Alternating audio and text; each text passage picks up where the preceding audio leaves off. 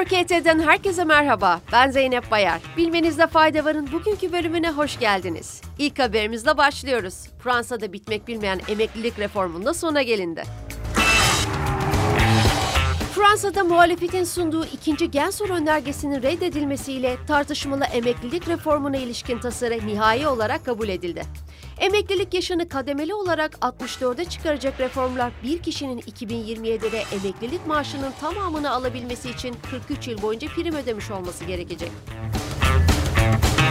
Kabul edilen reforma karşı çıkanlar emeklilik yaşının 2 yıl daha uzatılmasının özellikle kadınlar için olumsuz etkileri olacağını savunuyor. İkinci haberimizle devam ediyoruz. ABD Başkanı Joe Biden, COVID-19 virüsünün kökenleri hakkındaki bilgilerin gizliliğini ortadan kaldıracak yasa tasarısını imzaladı. ABD Başkanı'nın yazılı açıklamasında yönetimin Wuhan Viroloji Enstitüsü'ndeki potansiyel bağlantılarda dahil COVID-19'un kökenleriyle ilgili tüm gizli bilgileri incelemeye devam edecek ifadeleri kullanıldı. 2021'de istihbarat teşkilatlarını virüsün kökenlerini araştırmak üzere görevlendirdiğini kaydeden Biden, imzaladığı yasayla birlikte söz konusu bilgilerin mümkün olduğunca paylaşılmasına da olanak sağlayacağını belirtti.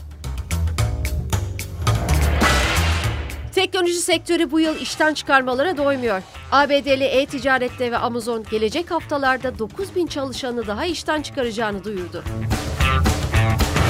Amazon CEO'su Andy Jassy, şirket çalışanlarıyla paylaştığı bir mesajda ekonomideki mevcut ve geleceğe dair belirsizlikleri işaret ederek bu zor bir karardı. Ancak şirket için uzun vadede en iyisi olduğunu düşünüyoruz değerlendirmesinde bulundu. Hatırlanacağı üzere ekonomik görünüm nedeniyle işe alımlara geçen yıl Kasım'da ara verme kararı aldığını açıklayan Amazon, Ocak ayında 18 bin çalışanını işten çıkarmıştı. Son haberimiz her yıl merakla beklenen Dünya Mutluluk Raporu'na ilişkin.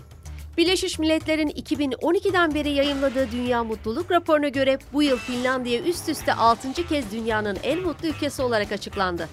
Raporda yaşam beklentisi, kişi başına düşen milli gelir, yolsuzluk oranı ve özgürlük gibi ölçütler ele alındı. Listede geçen yıl 9. sırada yer alan İsrail bu yıl 4. sıraya yükseldi. Diğer taraftan Fransa ise bu yılki raporda 21. sıraya geriledi.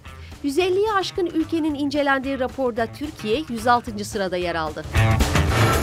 Bugünlük bu kadar. Yarın tekrar görüşmek üzere. Hoşçakalın.